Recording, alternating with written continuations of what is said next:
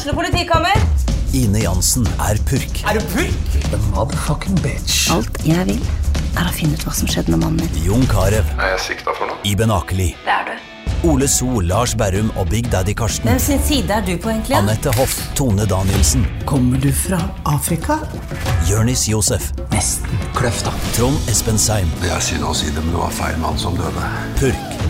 Premiere tirsdag på TV2 Play.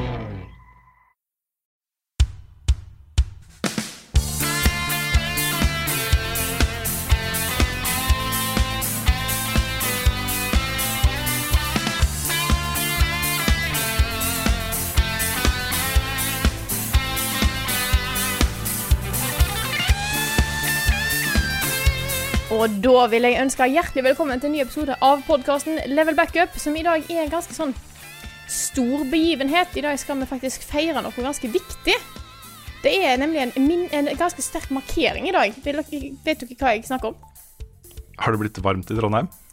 Eh, Da, da har det òg. Men det er noe enda viktigere, kanskje for oss i Level Up, fordi i dag, 22. mai, så har jeg femårsjubileum i Level Up! Oh nice, my god. Wow, Oh gratulerer, Frida. Fem år. Fem, Fem år, år. på dagen. Damn, altså. Shit, og ett av de, eller et halvt av de, var i VG. Ha, det, Ja. ja. Ish. Nei, nei, men gratulerer. Takk. Oh, ja, gratulerer og gratulerer til oss, alle sammen. Ja, Yes. For et må, eh, fantastisk eh, tilskudd du var i redaksjonen vår, og er i redaksjonen vår, Frida. absolutt. Du, du tok meg litt på senga nå, for jeg hadde glemt at det var femårs... Eller jeg huska ikke den datoen. Nei, nei, det er helt greit. Det er, jeg bare plutselig kom på sånn Var ikke det en gang i mai? Og så sjekka jeg, og så var det akkurat den dagen vi skulle spille inn podkasten. Tenkte dette er jo bare perfect. Da er det jo ganske perfekt at uh, for en gangs skyld så Eller for en gangs skyld, vi har gjort det før, da. Men nå spiller vi inn podkasten på morgenen på fredag. Vanligvis så spiller vi inn på torsdag og publiserer på fredag, men nå skal den jo ut i dag også, så da kan vi si at i dag er det femårsjubileum til Ja. alle. Yes. Ikke sant? Så lenge Så- du hører på den her på fredag, så er det faktisk Frida sitt jubileum. Ja, wow, altså. Gullklokka kommer i posten, Frida. Herlig. Mm. Gleder meg. Du får sånn eh, egen sånn YouTube, sånn som de får du, når du får en million subscribers, eller hva det er for noe. Ja, Du får en sånn bare litt mer shabby fra oss fordi vi er indie. Ja, ja, ja. i papp. I papp, ja. Papp og maling.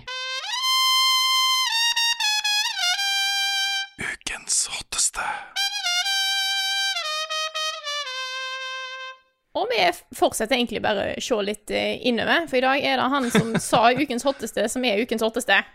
Rune. Wow.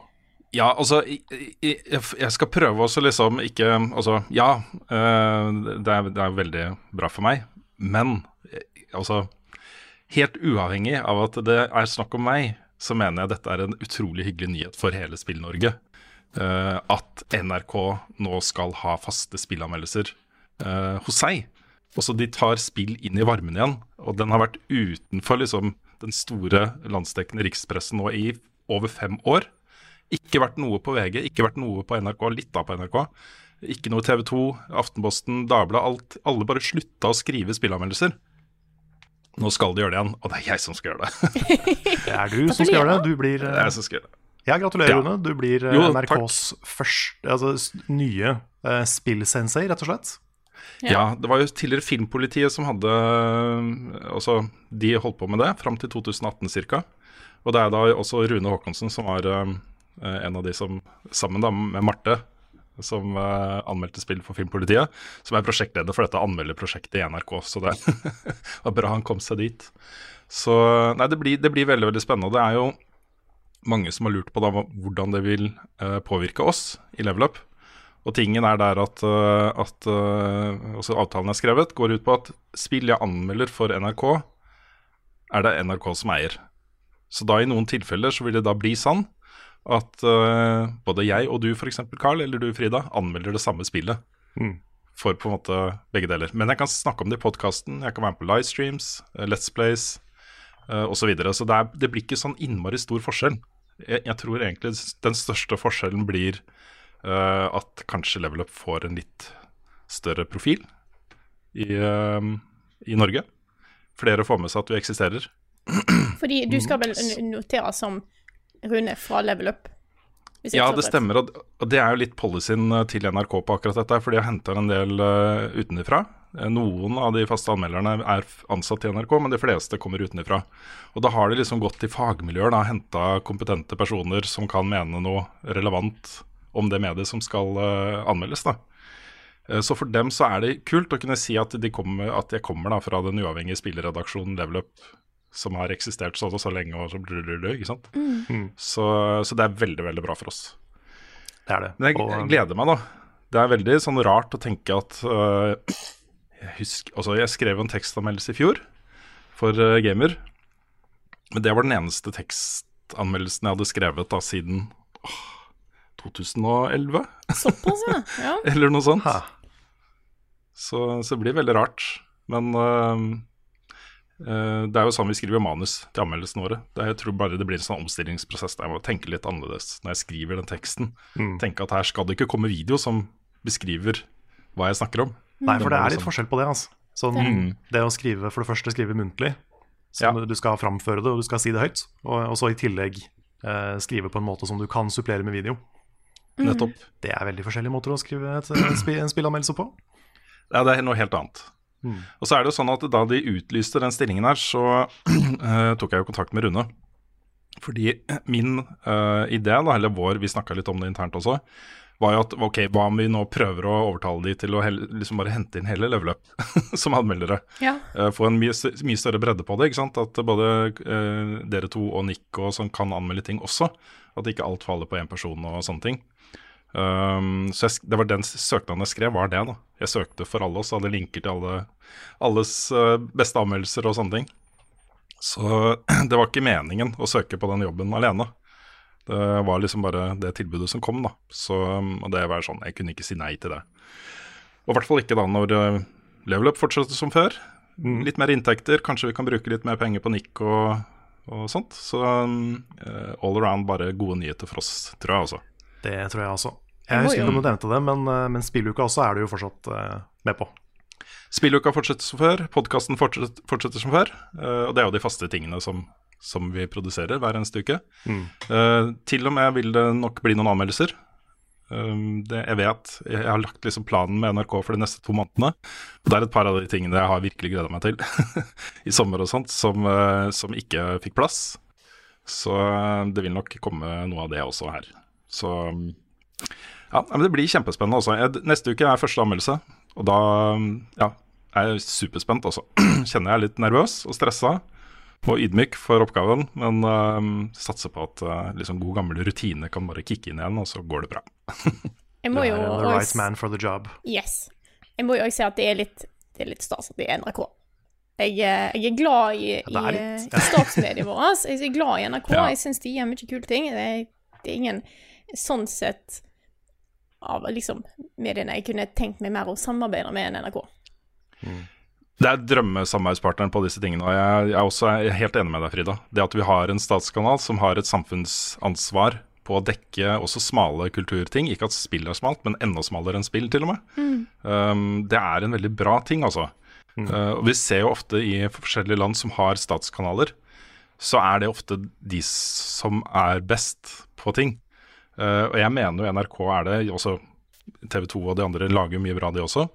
Men uh, sånn stabilt over tid så mener jeg NRK er, lager det beste innholdet. Samme som BBC i Storbritannia. og det er um, de- har så strenge regler ikke sant, for hva de kan gjøre og ikke gjøre. Så strenge etiske regler, og så strenge sånne samfunnsansvarsregler. at at det, det påvirker på en måte produksjonen deres. Så um, det er, en fin, det er en, et fint medie å jobbe med, altså. Jeg gleder meg. Ikke minst da, så er jo det å komme inn i NRK, det er jo litt som å komme inn i kongefamilien. At det er, det er, det er nesten umulig. Så- ja, så- det er, ikke så lett. Nei, så kudos. Så er det ansettelsesstopp der oppe, da. Så det har vært litt sånn kinkig å liksom formidle at jeg skal begynne der oppe. Og det er jo sånn, De har vært veldig nøye med ikke å kalle det verken frilans eller ansatt eller noen sånne ting. Det er oppdragstaker jeg er da. Det er et eller annet sånn juridisk Da kan ikke jeg komme og kreve sånn og sånn, liksom. Så, Ja. mm. Nei, men Det blir kjempespennende altså på tirsdag. Første anmeldelse. Det, det blir stas.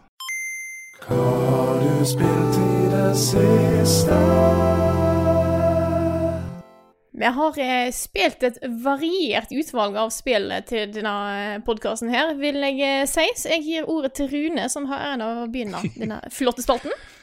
Ja, jeg, jeg, jeg er nesten nødt til Jeg vet vi har snakka mye om Animal Crossing. Det har nesten blitt litt sånn der Soulsborne-prosjekt for oss denne våren her. jeg er så glad Det har skjedd med Animal Crossing. ja, en etter en av oss har liksom blitt fanga av eh, øylivet i Animal Crossing. Eh, og mot min vilje så har jeg det, jeg også. Eh, men så har jo jeg Jeg tror jeg har en litt annen tilnærming til det spillet eh, enn mange andre. Ja. Eller i hvert fall dere, da. Fordi jeg er sånn OK, jeg, jeg vil ha den der Island Designer-appen nå. Jeg vil ha den I går ville jeg ha den, den appen. Ja. uh, og for å, gjøre, for å få det Det er mange timers arbeid altså, som ligger bak å få den appen. Som gjør at du kan terraforme og flytte på ting og bare tjo og hei, liksom. Eh, så, så jeg har, jeg har uh, to, to characters.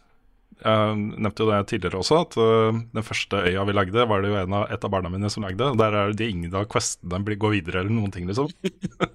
så uh, jeg har lagd en ny, ny øy da på en annen Switch med en annen, annen Nintendo Online character og alt. Så jeg driver og reiser mellom de to øyene og har begge konsollene oppe samtidig. Og kjøper nepe på den ene og tidsreiser tilbake og kjøper flere neper og så leverer til den andre.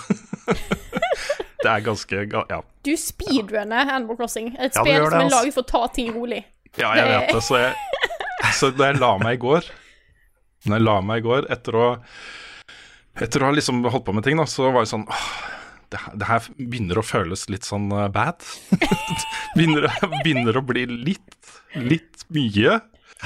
Skal jeg roe ned dette her litt? da? Nei. Nei.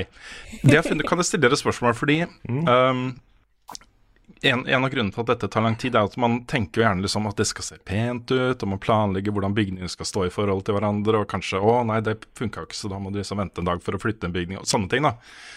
Er det sånn at jeg kan bare gå rundt på øya og bare dytte ned masse gjerder og blomster og trær og sånt litt sånn random, og så få en, en trestar og etter hvert femstar rating? Ifølge Charlotte så var det jo bare å putte, sette ut alle møblene dine, og så gikk det fint.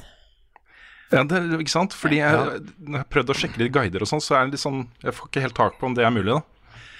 Nei, jeg, jeg har ikke satt meg inn i liksom den, eh, den algoritmen, eller hva man skal kalle det, som, gjør, eh, som bestemmer stjernene. Men jeg tror det at det ikke er ugress, og det at det, er, det at det ikke ligger ting på bakken, er viktig. Mm. Mm. Eh, hvor mange det- villagers du har, er viktig. Og så må du ha en kombinasjon av blomster, gjerde og items. Ja, nettopp. Jeg har sett en liste, det er syv eh, ting, tror jeg. Som liksom, Det er en sånn sjekkliste med ting, med gjerder og trær og osv. Ok, greit. Nei, men da, da skal jeg gjøre det. Jeg skal få KK til å komme til øya mi holde den konserten, sånn at jeg kan få den eh, appen. Ja, det er bra. Det er bra. ja, For det har jeg venta litt på det, da. Det er liksom, jeg, jeg gleder meg til å, til å liksom virkelig begynne å planlegge øya.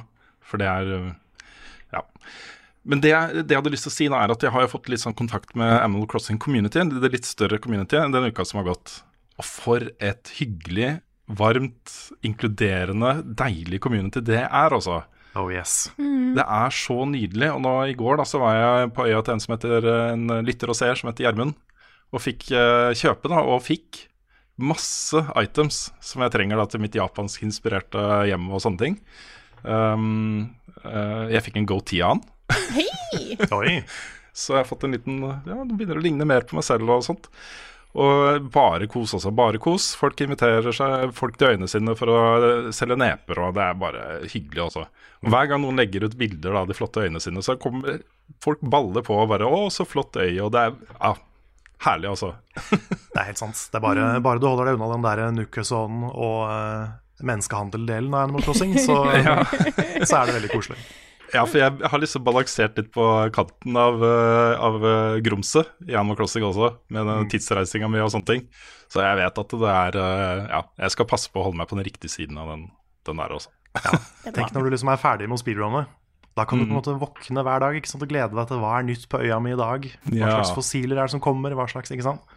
Ja, det, er litt, det var litt den jeg savna, for det var den jeg hadde de første dagene. Så var det sånn ah, ny dag.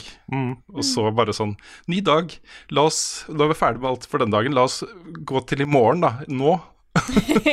Stille på klokka og gå til i morgen, sånn at jeg kan få mer, ikke sant? Ja. Ja, du spiller jo basically Stardew Valley, Ja. Ja, for det kan du gjøre da. Ja. Nei, Men jeg bare sier, er jeg dømmer ingen som tidsreise. Jeg bare som det er sagt. Jeg vet Mm. det er folk som på en måte liker å nyte, spille spill på den måten, så yes. Mm. Absolutt. Og så er det, det er en veldig hyggelig ting å ha to karakterer også. Ha en øy hvor ungene har hus. Fordi hver gang kom, jeg kommer over ting som jeg tenker å, det hadde kidsa syntes vært uh, stilig, så reiser jeg til øya deres, og så legger jeg det fra meg foran det inngangsdøra deres. og så, ja, så det har masse, masse kult, da. All right. Jeg må kjapt tur innom Destiny 2 også, fordi forrige uke så var jeg ganske krass på en ny Quest som har kommet, som heter The Lie, som ender opp med shotgunen uh, Fellwinters Lie. Eh, og Grunnen til at det er en litt big deal av den shotgunen, er at den har eh, doble perks, som gjør den til, på papiret i hvert fall, den beste shotgun for både PVE og PVP i spillet. Altså det, blir, det kommer til å bli en monster, da, som alle vil ha, og hele questen var broken. Um, det jeg kritiserte forrige uke, at, eh, at det var det, kravet for første trinn var bare helt absurd, og ingen gadd å gjøre det. Uh, rett etter at vi spilte inn podkasten, så fant jeg jo ut da, at uh, det hadde jo uh, Bungie gjort noe med. De hadde senka på kravene der. Så folk uh, fikk endelig fullført den da, i løpet av helgen. Og da var neste del av questen broken. Du kom ikke videre. Øh, Så det folk sto der da, på det som avsluttet det Quest-steppet, kom ikke videre. Var han broken Så- som i at det var en bug, eller? Ja, ja, det var en bug. Den er patcha nå, da. Den ble patcha i går. Så um, nå kan folk få den shotgunen, da. Men det er liksom det er, Ting er ikke helt bra nå. Det var litt morsomt også etter at jeg var Det er ikke så ofte jeg er kritisk til, eller negativ, da, til uh, det spillet her. Men rett etter den podkasten forrige uke, så fikk jeg en e-post fra Bungie med en spørreundersøkelse om hva jeg syns om Destiny 2 da, i, i uka som har gått. Så bra. Timing for den. Det var utrolig bra timing, altså. Det var kjempebra timing. Så det, var, det svarte jeg på med glede. Mm. Det er liksom Frykten til mange nå ikke sant? Det er jo at spillet glir inn i en sånn mode hvor det bare er boring. Ja. Hvor det er ikke morsomme ting å gjøre. Hvor de liksom ikke har nok ressurser da, til å utvikle det i den retningen som er gøy. Så um, det er frykten min også. Mm. Men de, de har tatt ned julepynten. De har tatt ned julepynten. Ja, det er bra. De har tatt ned julepynten. All. Og så har jeg spilt en ting til da, eh, som jeg ikke kan eh, snakke noe særlig om ennå. Hvis du ser den podkasten her på YouTube, så uh, er det mulig folk skjønner hvilket spill det er. Eh, nemlig Minecraft Dungeons. Og da kan jeg da avsløre at det blir min første anmeldelse for NRK. Og da blir det jo også sånn at, uh, at min dom over det spillet, min karakter, det blir jo ternekast i NRK, må vente til tirsdag. Men det blir spennende også. Jeg gleder meg til å få den teksten ut, se hvordan folk responderer på det. Uh, se hvordan det går. Jeg, kommer, jeg er helt sikker på at Rune, kom, Rune i NRK kommer, til å holde meg løpende oppdatert med uh, klikktall og disse tingene der. Det blir kjempespennende. Så um, uh, ja. Men det har jeg da spilt det, og jeg har til og med spilt det med deg, Frida. ja, for du kan ikke snakke om det, men da kan jeg!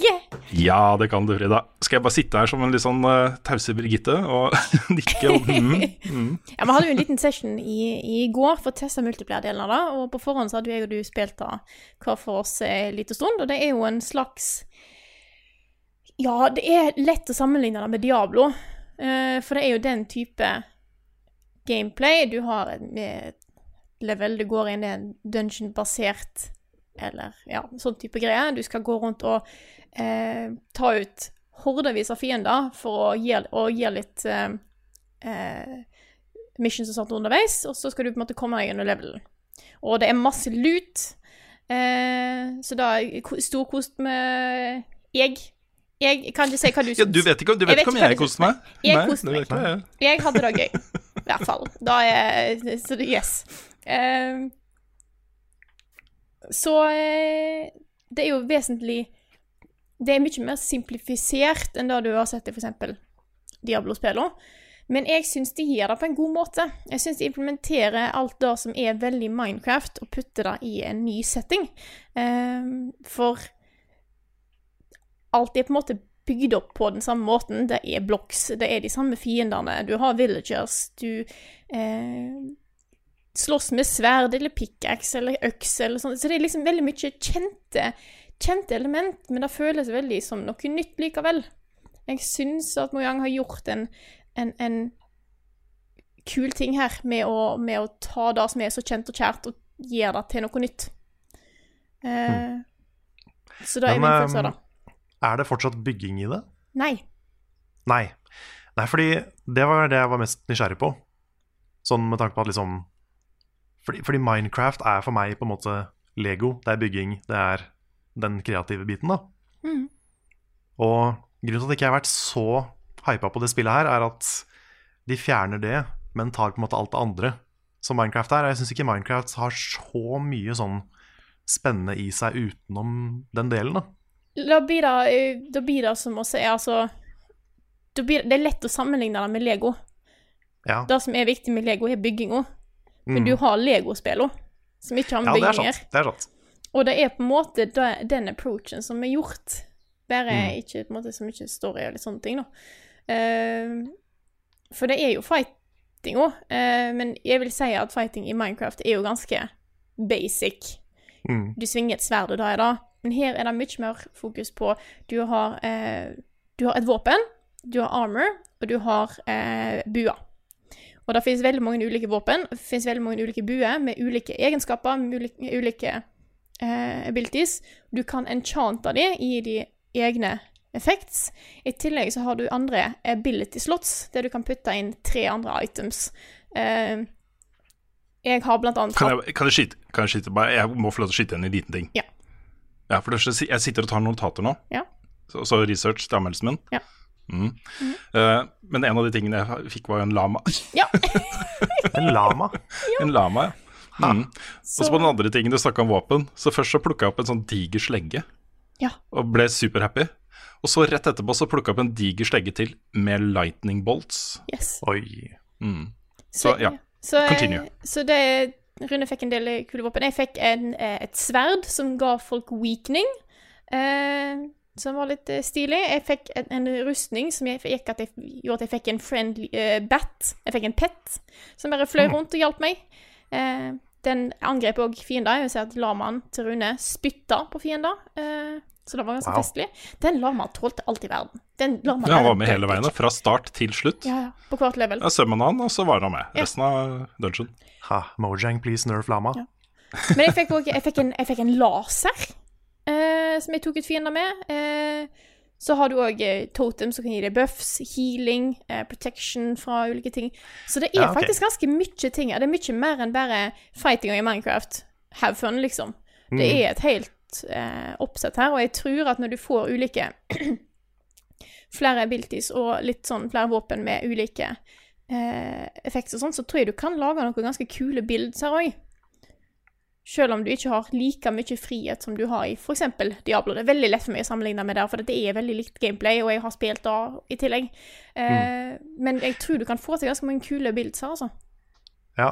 Nei, fordi jeg tenk, tenker liksom hvis det er et bra Diablo-spill eh, inni her, liksom, Mm. da er det noe annet. Da er det jo kjempekult. Jeg bare, Mm. Det jeg var redd for, var at det skulle være på en måte top down Minecraft uten bygging. Å ja, nei, nei, nei. Det er, de, har tatt, de har gjort helt andre ting med det. Uh, og det, s- det du kjenner igjen, er uh, lydeffekter, karakterer, fiender og uh, environments. Men de har gjort mye nytt der òg, altså. Det ser veldig fint ut. De har lagt til mye sånn kule lyseffekter. Den eh, texture packen, hvis du kan kalle det det, er veldig stilig, selv om man føles veldig Minecraft. De har lagt til ny, masse nye fiender, eh, som både av små mobs og eh, spesielt de større minibossene og bossene er jo helt nye. Eh, så det er Det er en del kult der, altså. Mm. Så det er mye mer enn bare top down Minecraft uten bygging. Jeg, jeg, jeg er veldig spent på mottagelsen av det spillet, fordi eh, du får liksom beskjed allerede når du starter spillet første gang. Bare 'coming soon', paid delelse, Ja. ny øy som åpner seg med nytt content. da. Så de har jo en plan her for å videreutvikle dette spillet og la det leve en stund, tror jeg, da. Uh, om det blir en sånn type season pass-ting, eller om det blir bare paid delelse, det, det vet jeg ikke ennå.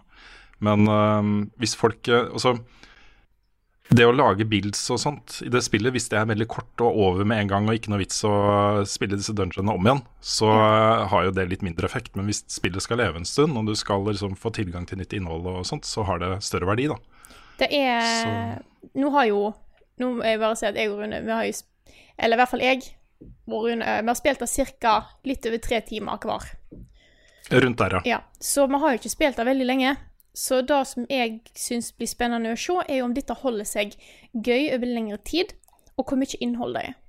Mm. For um, akkurat nå så er det litt vanskelig å si. Jeg er òg spent på å se hvordan uh, vanskeligheten scaler etter hvert. Vi hadde en utfordring på slutten av uh, playthroughen vår uh, i går. Uh, det var en, en heftig boss som holdt på å ta på å vipe oss fullstendig. Men jeg er spent på hvordan de gjør det om ting bare blir liksom teit vanskelig, eller om de velger å bare kaste mange nok mobs på deg til at det blir vanskelig. Det er en veldig sånn fin balanse som jeg er spent på å se om de klarer når ting går opp i level, for da er en Det er lett å på en måte gjøre ting skeivt vanskelig, på en måte, i sånne Mm. spill. Så det er en Mm. veldig fin, eh, fin balansegang der. Så jeg er spent på å se hvordan det er, for det er, dette er mitt inntrykk etter tre timer, bare så det er sagt. Mm. Er det, hvor mange kan spille samtidig? Fire. Jeg tror det er firemannslaget. Mm. Ja, ok. Ja, Eh, Men det er kanskje- også det, det er også det samme som på de andre, sånn Diablo og sånn, så kan du da spille flere på samme skjerm. Med flere kontrollere, da. Og Ja. det til. Så det, det, er ikke, det er ikke split screen når du spiller det offline coop. co-op. Riktig. Nei, jeg får se. Kanskje jeg skaffer meg det, så kan jeg eventuelt prøve litt uh, three players. Mm. Nei, jeg også, jeg min mening om spillet er jo fortsatt bare førsteinntrykk, det også. Så jeg må jo spille det mer, og jeg skal jobbe, jobbe fram den anmeldelsen i løpet av helgen. Um, kanskje få til en session til, Frida, hvis du har tid. Å ja da, det var veldig gøy. Ja, for jeg, jeg tror det å spille alene er liksom ok, det var mulig, de første dungeon og sånne ting. Men uh, jeg merka ganske stor forskjell når uh, vi kunne uh, bruke litt sånn komplementerende builds og mm. taktikker, da. Hvor eh, en kunne ta, en kunne ta agro fra bossen, mens Ja. den andre kunne gjøre damage og sånne ting, da. Det var veldig greit. Ja, det var veldig greit. Ja. Nei, jeg, jeg er litt spent på det, for jeg er jo hovedsakelig en, en Jeg har aldri vært en veldig multiplayer-person. Eh, Jeg har spilt mye singleplayerspill, og Diablo jeg spilte mye alene. Så eh, jeg eh, kommer til å spille en del nå solo. Men jeg tar gjerne en ny session bare for å få litt mer følelse av det, hvordan det blir etter hvert som ting blir vanskeligere òg. Um, jeg vet ikke helt om det blir en anmeldelse ennå, men det blir noe innhold på det. Det blir det. Mm. Jeg sitter, og vurderer å leke, ja, jeg sitter og vurderer å leke med tanken og kanskje en eh, liten sånn Let's Play-greie med, med sønnen min. Oh, ja. Mm, kanskje. Vi, vi skal se. Vi, gjør, vi skal spille sammen, og jeg tar opptak. Hvis det blir bra, så kanskje. Kult. Mm. Kan jeg eh, fortsette nå? For jeg har jo spilt noe annet siden sist. Do it. Sist gang så snakka jeg om eh, Final Fantasy 7 Remake-kjøret mitt. Eh, siden da så har jeg blitt ferdig med Final Fantasy 7 Remake. Innsett at eh, den remaken stiller flere spørsmål enn han besvarer. Og begynt på originalen. Du har begynt på originalen, ja? Wow. Jeg har det, ass. Jeg har det. Jeg er, jeg er så spent på hva slags opplevelse du har med originalen nå. Det er veldig interessant, fordi at nå jeg spiller den versjonen som er på Switch, eh, som jeg fant ut var den nyeste porten. Eh, alle portene bare bygger på hverandre, tydeligvis, men dette var det nyeste. Og det gir meg en del muligheter, eh, som er ting som er kanskje, hvis du kan si, endra fra originalen, som gir det lettere å spille i 2020. For dette er jo et 23 år gammelt spill, og det merkes jo. Eh, Så det som er lagt til her, er en mulighet til å speede opp ganger ganger tre. Eh, og at du kan slå av random encounters. Og den speed up-funksjonen er jeg blitt veldig glad i. det, er, det gjør at dette spillet faktisk eh, får en helt annen eh, hastighet. Altså, det er naturlig nok, men det, det, det føles ikke så tregt som noen av de spillene kan være. Eh, hvis jeg skal gå Det er noen steger som er så jæklig lange. Hvorfor Er det? er det så jæklig lange steger? Og da så har jeg bare trykka inn venstre stikker. Speeda opp den stegen. Det er veldig fint. Mm, det er sant. Det er, altså, jeg tror spesielt de Final Fantasy-spillene på PlayStation, PlayStation 1 De var veldig opptatt av å være sånn moderne og cinematiske på den tida. Mm. Så ting skal ta litt tid. Og det skal liksom være litt lange animasjoner. Lange summon-sekvenser, lange ikke sant, sånne ting. Så um, jeg tror de har liksom De har prioritert stil over effektivitet, da. Og det funker litt dårlig 23 år etterpå. Jeg må jo si at noen av de Altså, det er noen eh, plasser der du skal gå over ei bru, og så kommer, eh, kommer eh, Cloud mot deg, og det er gjort ganske stilig. Jeg må si at eh, For jeg, jeg har jo eh, Du sa jo blant annet at jeg er jo ganske utdatert grafikk, eh, og da er det jo. Det er jo gammelt. Men jeg syns de gjør veldig mye bra med det de har. Eh, da at de har gått for eh, at alle områder og bakgrunner, bortsett fra kartet, hvis du kan si det sånn, bare er flate, lagde bilder som karakteren går på. Eh, som de har lurt til at blir 3D, eh, funker utrolig bra. For da gjør at istedenfor at du får masse rare kameraendringer og sånne ting, eh, og at du ser at ting blir veldig kantete og mye sånn polygoner, så unngår de da veldig mye med den måten å bygge opp alle områdene på. Så da jeg merker er gammelt er når jeg skal bevege meg rundt på kartet, for da er kameraet overalt.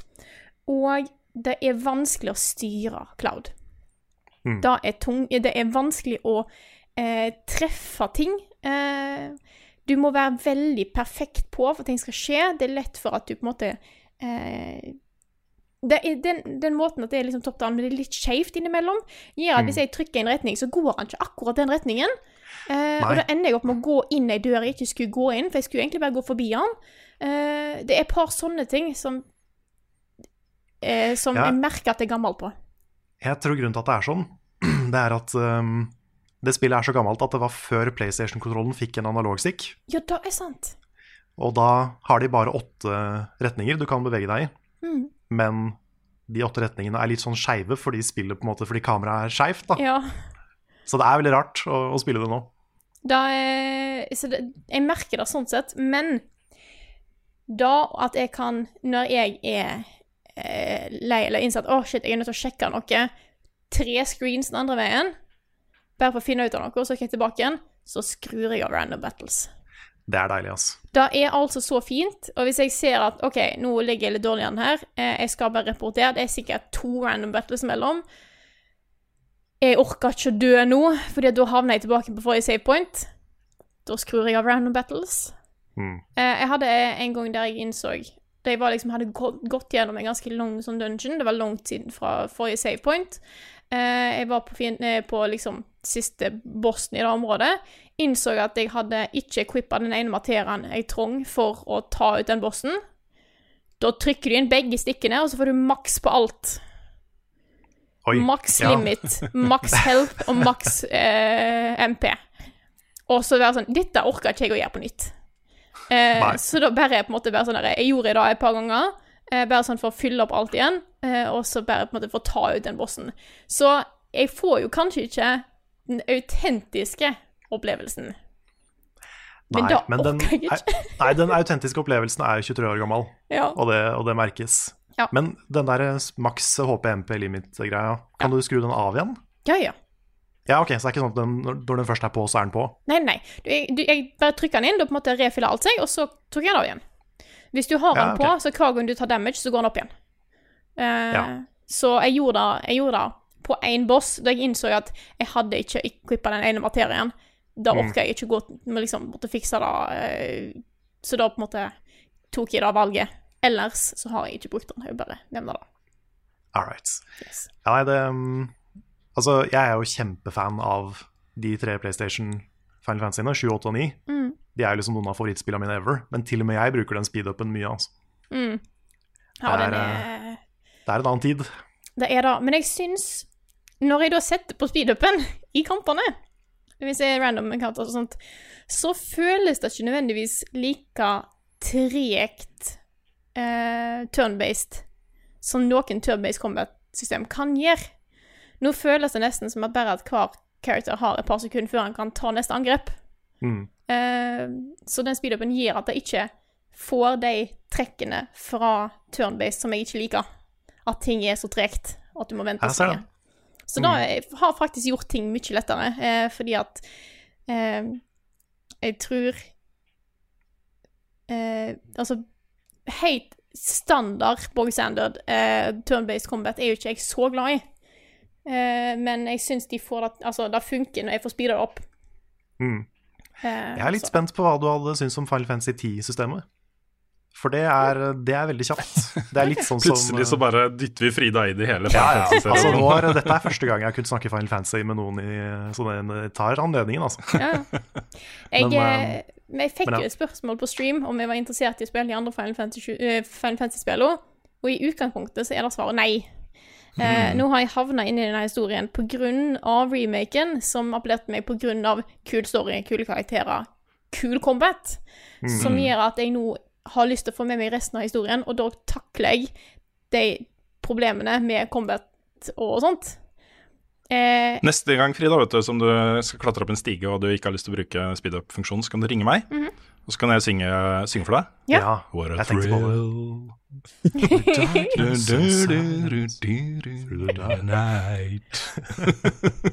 du må ikke komme med sånne eh, Temptations-runder, for da gjør jeg det, vet du. Ja. Ja. Nei, Nei, ingenting så som slår den Metal Gear-stigen. da. Det er ikke det. Nei, det er ikke det. Nei, så jeg eh, er vel Hva er jeg, tolv timer ute i det nå? Ja. Eh, jeg vet ikke helt hva det tilsvarer i originalen, fordi at da at jeg har skippa noen random encounters, og at jeg har speeda opp, gjør nok at dette her går litt fortere. Mm. Eh, men jeg er spent på å se hvor, hvor dette her går videre, og jeg gleder meg til vi skal ha spoilercasten, for nå får jeg For det er sånn som du har nevnt, Karl, nå har vi jo tre ulike opplevelser av eh, remaken. Eh, du som har spilt originalen først, og så remaken. Eh, meg som har spilt remaken, og så originalen. Og Nick som kun har spilt remaken. Når han er ferdig med remaken. Han har vel litt igjen. Sant. Mm. Vi har aldri laga si to spoilercasts for eh, Ja. et spill før, men det, det skjer nå, ass. Yes. Og det er rett og slett Dere får fordi si- ja, hæ? Sorry. Nei, bare fortsett, Carl. ja, nei, bare, det er rett og slett fordi eh, den første spoilercasten vi lagde, med Jostein og Audun, den var uh, veldig basert på at man har spilt alt. Og det var mye spekulasjoner om liksom, hva kommer til å skje videre i del to og sånn. Mm. Mens uh, nå skal vi lage en som de som ikke har spilt originalen, kan høre på. Ja, Ja. Vi skal ikke snakke noe om originalen. Nei. Det skulle si, dere får si fra da, hvis dere vil ha med en som ikke har spilt noe Fine Fancy 7 i det hele tatt også, i spoilercasten. Ja! Ja. Som bare kan sitte og nu-nu-nu-nu. Ja, eller synge. synge for Eller det. synge. Litt ja. Ja. Vi, får- Yes. vi får tenke på det. Mm. Da, var- da var det for meg. Har du lyst til å fortsette, Karl? Det kan jeg, fordi jeg også er dypt nede i et uh, japansk rollespill. Jeg har uh, så til de grader havna på Persona 5-kjøret igjen. Oi, oi, oi. Fordi Royal? det kom en ny, en ny versjon, ja. eh, Persona 5 Royal, som kom i år. Og det er jo egentlig Persona 5 igjen, men med ganske mye nytt innhold. En del nye historiedeler eh, gjennom hele spillet. Og noen nye confidants, som er sånne personer du kan bli kjent med. Og få bonuser av å få et bedre forhold til og sånn. Og eh, jeg trodde egentlig, jeg hadde egentlig ikke tenkt å begynne på det, fordi jeg tenkte at et så langt spill, som er ganske lineært egentlig, Mm. det er ikke sikkert det er gøy å spille det igjen. Men det var ganske gøy å spille det igjen. Det var det ja. Kult. Ja, det Jeg koser meg så mye. Og nå følger jeg en sånn eh, Jeg spilte det jo blindt den første gangen, men nå følger jeg en sånn guide for å, for å liksom makse confidence og stats og sånn. Sånne sosiale stats. Mhm. Og da kan jeg liksom prøve å ta alle på én playthrough, da. Og det Når du liksom... sier sånn- 'ta alle', betyr det, betyr det det jeg tror det betyr? Nei. Nei. Det er ikke, ikke sånn som du spilte Assassin's Creed Odyssey. Eh, Det er eh, altså, Du kan det òg, du kan romance alle på en gang. Ja, for skal du da? Da- Skal du romance alle? Skal du få Nei. den scenen? Nei, OK. Nei, fordi hvis du romancer mer enn én, så får du en veldig sånn voldelig Valentine's Day. Oi. Så, eh, så jeg skal la være å gjøre det. Jeg skal liksom finne Jeg skal velge én. Jeg valgte jo Best Girl med Koto forrige gang. Mm -hmm. Jeg tenker kanskje jeg skal velge hun nye nå, siden hun er ny, liksom. Mm. Jeg er litt nysgjerrig på den historien. Åh, det er så kult å kunne si det om et spill. Altså, hvis du romancer flere enn én, så får du en veldig voldelig Valentine's Day. At du kan si det om et spill. Det er Ja. veldig kult. Det er sant. For det er jo sånn, dette er et spill med kalendersystem, ikke sant? Ja. Så det starter jo i april, og så går jo året utover i spillet. Så det er, en, eh, det er kult. Men en ting som jeg legger mer merke til nå da. Jeg tenkte litt på det første gjennomspilling òg, men uh, dette er jo et japansk spill satt i Japan. Og Japan er jo et sånt samfunn som er veldig sånn du skal ikke stikke deg ut. Det er en slags ekstremversjon av janteloven der, på en måte, hvor du, du skal være en del av fellesskapet, du skal bidra. Du er ikke så viktig, det er fellesskapet som betyr noe, og hele den pakka der, da. Jeg har et innspill til den når du er ferdig. Ja, Eh, du kan si det nå. Ja, nei, fordi, ja, det er helt riktig. Altså Normen i det japanske samfunnet er sånn. Men se hvordan de behandler de som, som bryter ut av den normen. Ja. Og er individualister og er liksom sånn stjerner, da. Og som bare driter i alt som handler om konformitet og, og sånt. Og bare er kule med de kule solbrillene og de kule klærne og det kule håret. og De blir jo behandla som nesten, nesten sånn guder i, i det samfunnet. Ja. Det er jo fordi alle står på utsiden og er konforme. Og lever etter de reglene som er forventa av deg, og bare misunner de folka så sjukt mye. Sant. Ja, er min, min lille teori, da. Ja, ja, fordi akkurat det er det Persona 5 handler om. Mm. Det er på en måte 100 et spill om å, være, om å gjøre opprør. Alt liksom handler om uh, å, å stå opp mot uh, normer og samfunnet. Sparke oppover. Uh, ta folk som misbruker makta si i samfunnet. Det er sånn Den identiteten er så tydelig. Og da er det så kult at det spillet kommer fra Japan, syns jeg. Mm. Det er på en måte Du kan sammenligne det med et, et 100 timer norsk spill som hele tida sier 'fuck janteloven', liksom. Mm. Og jeg syns det er litt kult. Det, er litt sånn, det føles som en sånn Det føles som jeg får litt innblikk i den um, I den holdt på å si, debatten i Japan, eller den, den konflikten mellom de to måtene å, å leve på. Mm. Og det er litt interessant. For det er jo, det er jo veldig sånn direkte oversatt. Det er ikke noe sånn De har ikke, de har ikke amerikanifisert noe av det som er i, i Persona 5. Nei, det er helt Mm. sant. Så, så jeg syns det er kult. Jeg føler liksom at eh, det er en veldig sånn, en, et fint sånn vindu inn i et samfunn Mm. på en veldig kul måte. Her i Norge så har vi russetida, som er en sånn derre Ok, siste greiene før de blir voksne og sånt. Mm. Sånn er det i Japan også, da. Hvis du går på universitetet i Japan, da har du en sånn periode hvor, du, hvor det er forventa at du skal kunne ekspresse deg selv akkurat som du vil, og bare være den personen du er, og, og sånne ting. Og så er det nesten som de liksom Ok, du er ferdig med universitetet. Da er det bare skjøtter de ned den greia der, og så er det forventa at du skal bli en office worker, eller eh, ta den jobben som Ikke sant. Eller gifte deg, da. Hvis du er, eh, er dame, så er det forventa at du skal gifte deg og få barn, og da må du slutte å jobbe. Selvfølgelig. Ja, Så det er en del sånne ting i det samfunnet som, eh, som det er kult det blir satt litt fokus på, altså. Ja, det er det. Og de går jo også inn på ting som at folk jobber seg i hjel. Uh, og det er liksom ganske mye av det man hører om i, eh, hvordan det er å leve i Japan. da. Det er ganske Mm. sånn tunge, krevende samfunnet. Um, det blir på en måte kritisert litt. Jeg syns det er kult å se det i et spill. Mm. Så um, det, er, det er veldig spennende. Og så um, så merker jeg jo da at eh, det er spesielt den første delen, altså den første måneden i spillet, er kanskje en av de beste. Fordi du, du får jo sånne personer, maktpersoner, som misbruker makta si. Det er de du skal ta i løpet av spillet. Du skal uh, snike deg inn i uh, sjelen deres og stjele, liksom de, de fors- forskrudde uh, tankene deres. Sånn at de skal kunne tilstå det de har gjort. Da. Det er på en måte greia. Så um, Men litt av greia er at du hater han første så mye mer enn alle de andre. Han er skikkelig, skikkelig fæl. Ja, Han første er desidert verst, på en måte. Ja. Mm. Ikke fordi han har gjort de største tinga, men han har gjort de mest sånn fæle, personlige tinga. Mm. Så um, jeg mister kanskje litt den der, eh, det personlige engasjementet etter han. Men samtidig så er det jo det er fortsatt dritgøy. Og de har gjort en del eh, gameplay-endringer i eh, Royal som er kule. Så um, Ja, for det lurte jeg litt på. Altså, her er, det er på en måte en, en slags uh, director's cut eller et eller annet da, av et Mm. spill som mange allerede har spilt. Hva er nytt, liksom? Hva er nytt i uh, Hva er det gjort? Nei, det er um, det, De største tinga, det er ting som kommer seinere. Det er uh, litt sånn epilogting, men jeg, har- men jeg har hørt. Nå er jeg bare på nettopp ferdig med Palass nummer to, så jeg er fortsatt ganske tidlig i spillet. Men visstnok så er det et nytt semester hvor, du, um, hvor det skjer mye nye ting. Da. Så det er en ny historie som jeg vet ikke om det foregår etter eller midt i, eller hva det er. Men um, det er kanskje det største. Og så har du en del sånne quality of life-endringer. Du har nye personaer, du har nye uh, personer å bli kjent med. Du har en grappling hook som eh, shaker opp uh, level-designet ditt Oi, oi, når du er i, når du er i palasser og sånn. Så det er på en måte mer content.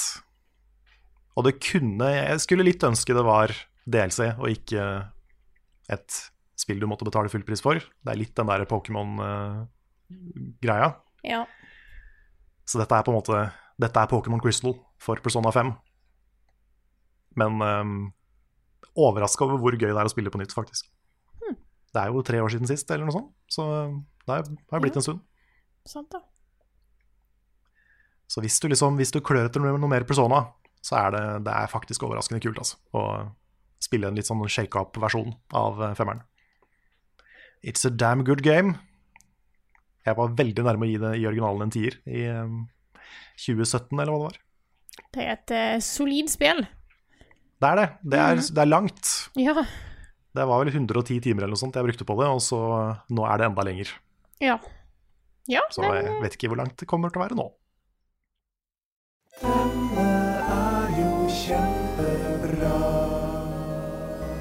Ukens anbefaling. Carl sier han har et eller annet på lager til oss i dag. Hva er det du har funnet på eh, til oss på, til anbefaling? Nei, jeg har uh, fulgt litt med da på eh, det nye hotte talkshowet som har tatt internett med storm, ved navn Animal Talking. Ja. Det er da Ja. en fyr som heter Gary Whitta, som er, jeg mener å huske at han var screenwriter for Rogue One, blant annet. Så han har en del eh, connections i, eh, i Hollywood og, og sånne ting, så han bruker jo litt det da for å, for å få litt kule gjester inn i Animal Crossing-studioet sitt. Og um, litt av grunnen til at jeg anbefaler det, er fordi vi har stjålet den ideen. At vi har, vi har laga, laga Spilluka-studio. Det ser jo litt annerledes ut, altså. Jeg føler vi har gjort det til vår ting. Men, eh, men han var han første som fikk ideen om å lage et late night talkshow i Animal Crossing. Jeg syns den ideen er så god. Så det begynte jo med en del sånne gjester som Felicia Day og litt sånne kule gaming-personligheter som faktisk spiller Animal Crossing, da. Eh, Men så har det ut, utvida seg. Blitt skrevet masse om i, eh, i litt mer generelle medier i USA og sånn. Og har på en måte gradvis tiltrukket seg større og større kjendiser. da. Så eh, nylig så var Elijah Wood innom. Og det morsomme med Elijah Wood Vet ikke om dere, dere har sikkert kanskje fått med dere det her, men han Ja. eh, det, det er tidenes søteste historie under korona, hvor han eh, kontakta noen på Twitter, en helt vanlig person, eh, som solgte neper, og bare sendte en privatmelding. 'Du, kan jeg få lov å komme og selge nepene mine hos deg?' Og hun bare 'oh my god, ja'. og så Ja. kommer han inn på øya og ser ut som seg sjøl, en sånn liten, sånn søt Elijah Wood, som da går rundt og sier eh, 'Your island is beautiful'. og bare spør pent om han får lov å plukke litt frukt, og er liksom bare tidenes høfligste, koseligste Animal Crossing-spiller. um, og her kom han da i studio uh, og prata litt om forholdet sitt til Animal Crossing og litt sånne ting. Uh, så det er den episoden spesielt jeg har lyst til å anbefale. Den episoden har du også Danny Treho. uh, og eh, det er morsomt at jeg ikke husker navnet, fordi han gjorde et poeng ut av det i episoden at ingen husker navnet hans. Tror det er Greg, Greg Gutenberg eller noe sånt. Han eh, spiller i veldig mye forskjellig. Okay. Men um, det morsomste øyeblikket, det beste øyeblikket i denne episoden, det er når um, han prater litt om da opplevelsen med å bli basically liksom skape overskrifter med å besøke en øy til en jente. Og så får de hun jenta inn i studio. Nei! Oi. Og det er så gøy, og det er så kult. Så hun får da liksom en plass på sofaen ved siden av Danny Treho, Elijah Wood og Greg Gutenberg. Ah, og det er så koselig. Ja, den, er, den, skal jeg, den skal jeg se, altså. Ja. Ja, den er, eh, De er ganske lange, de episodene. Jeg tror den, den episoden er sånn to timer. Og såpass, ja. Mm. Men uh, det er veldig koselig. Så det er mest, Jeg har ikke sett alle episodene, men den episoden jeg har sett, den syns jeg var kjempebra. Kan jeg komme med en sånn der, Do you feel old yet uh, fun fact om det Ja. du har snakka om? Ok? Ja. Danny Treho er 76 år gammel. Ja, det er helt vilt. Han er født i 1944. Wow. Wow. wow. Her kommer nyheter med Rune Fjell-Olsen, og han har ikke hår. Vi starta jo denne podkasten med et uh, heftig jubileum. Frida fem år i Level Up. Uh, og starter også nyhetsspalten uh, med et heftig jubileum. For i dag fyller Pacman 40 år. Og Pacman er jo Ja, Pacman er jo en sånn Altså, det er spill. Mm. den figuren og hvor stort det var på 80-tallet, og hvor stort det fortsatt er. Da. Det lages jo fortsatt masse merchandise, og spill og TV-serier og filmer og alt mulig rart med Pac-Man. Utrolig ikonisk ting. Veldig, veldig, veldig. Det er sant. Det, og det er sånn for de som er på en måte på min alder og, og, og yngre. De har kanskje ikke helt skjønt hvor stor Pac-Man var. Fordi Det var megasvært. jeg fikk et lite sjokk når jeg um, Det var en podkast hvor jeg vurderte å lage sånn her collage av um, gamle spillcovere. Og da gikk jeg Altså ikke spillcovere, men spillmagasin, spillblader. Og de overskriftene om Pac-Man i de bladene var ganske, ganske ville. Det var sånn uh, Hollywoods nye stjerne, og Ja, ja, ja. da Miss Wow. Pac-Man kom, så møt den sexy nye Pac-Man. Og det var liksom helt vilt. Og det var, det var en så stor sånn kulturell ting. Um, og ja, det er som dere sier, det var, han var spill. Han var større enn Det var jo før Mario. Ja, altså på, på eh, storhetstiden da, til Pac-Man, selv om den fortsatt på en måte pågår, så hadde jo, hadde jo Pac-Man, den figuren, hadde en, en sånn uh, brand eh, recognition globalt på 90% Ja. Wow. 90 av verdens befolkning kunne se Pac-Man og vite hvem det var. Det er, Det er ganske. Jeg vet ikke om det Jeg vet ikke om det hadde polla liksom alle stammene i Amazonasjungelen og sånt, men eh, Nei, det er spørs. spørs.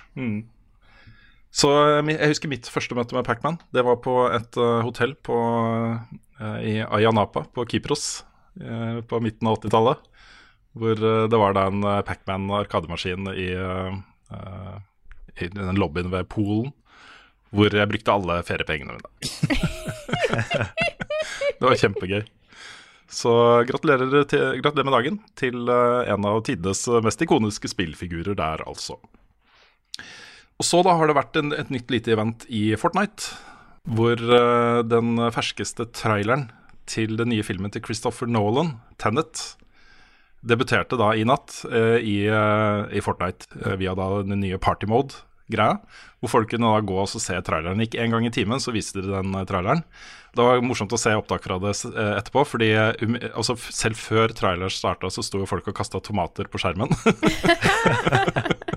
så det var liksom sånn der, her kommer det et veldig dramatisk trailer for en ny film, og så står folk bare og kaster tomater fordi det er gøy. Så jeg har ikke sett uh, traileren, jeg så bare starten på, på det fra Fortnite-video, da. Men uh, jeg, jeg tror det blir gøy å følge litt med på hvordan underholdningsindustrien, musikk, film osv. bruker Fortnite framover. Fordi de har funnet en plattform her som jeg syns er veldig spennende. Da. Det er det. Eh, mm. Utrolig interessant.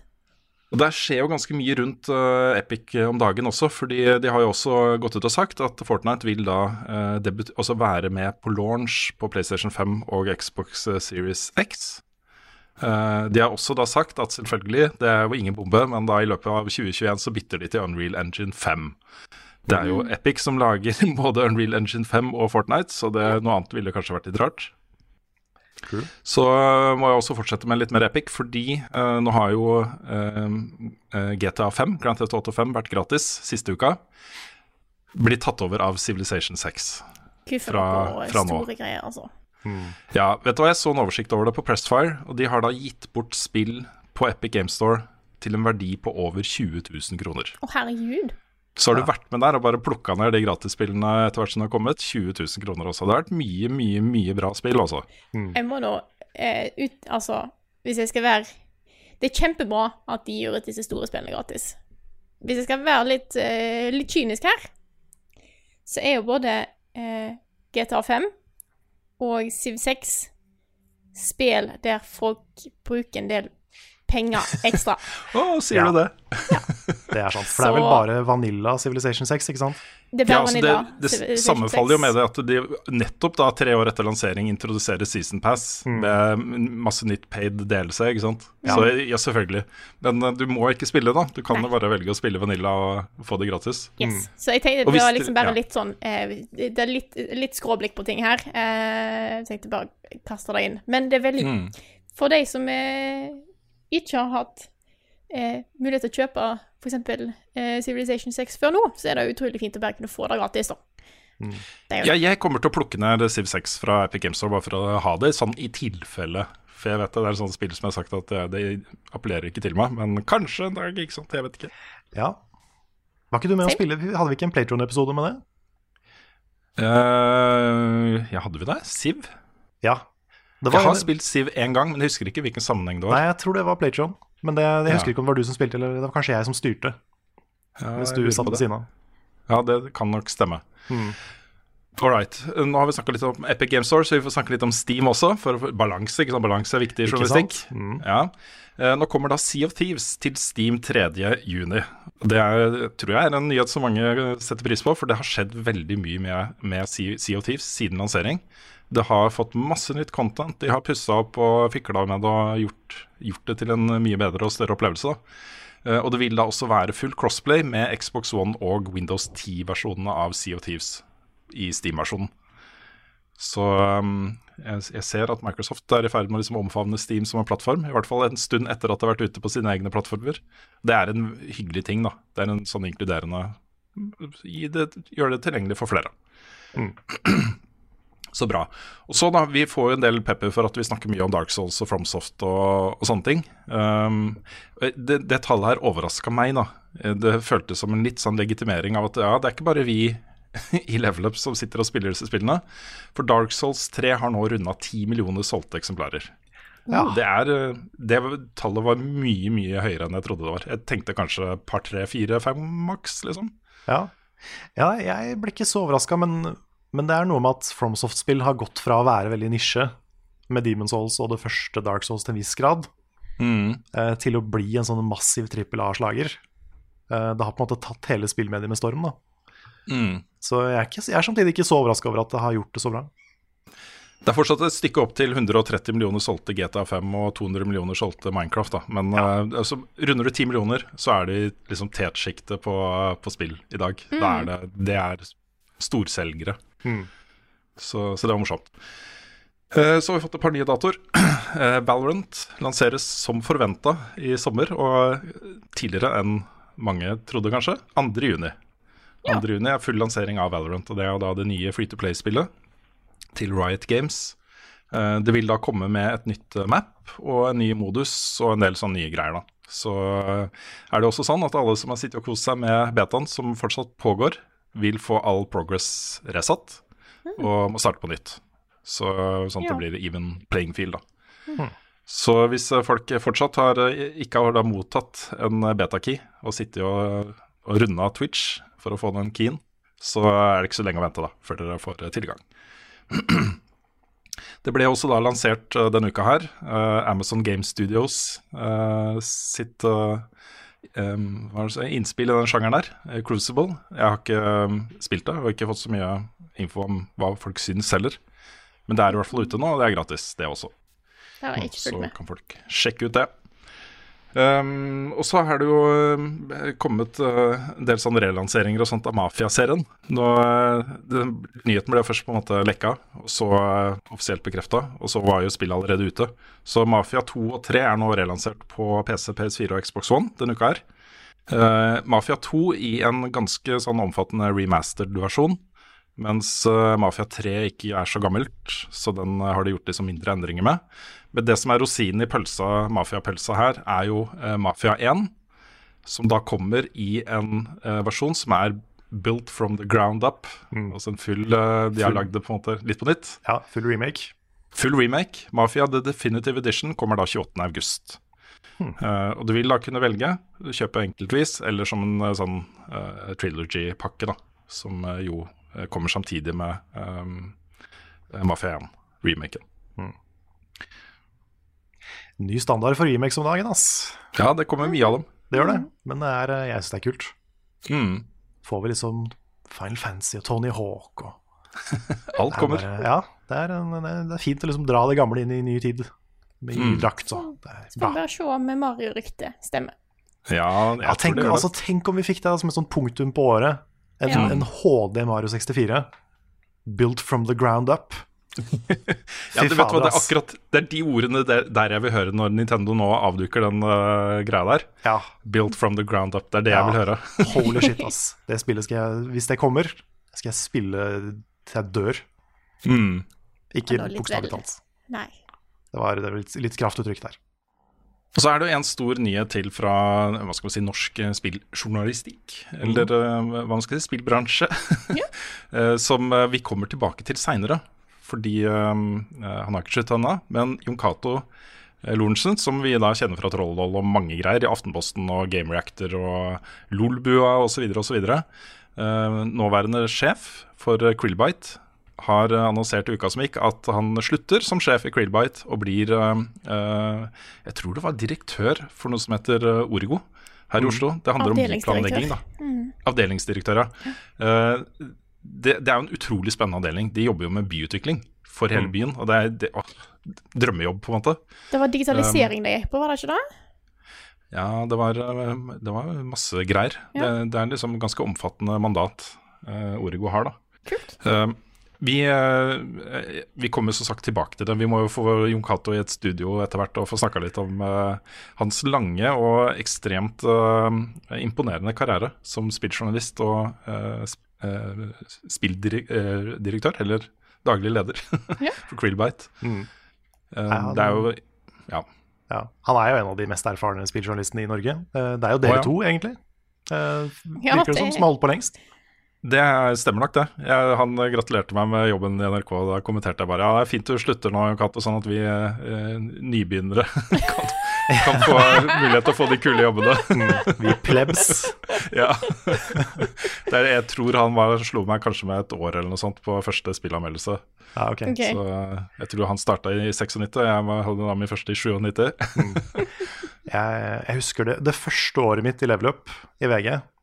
Det husker jeg det var da du tok um, pappaperm og sånn. Mm. Så hadde vi jo en eh, E3-sending fra Norge. Hvor da vi satt i min sofa og prata om eh, oppsummert E3.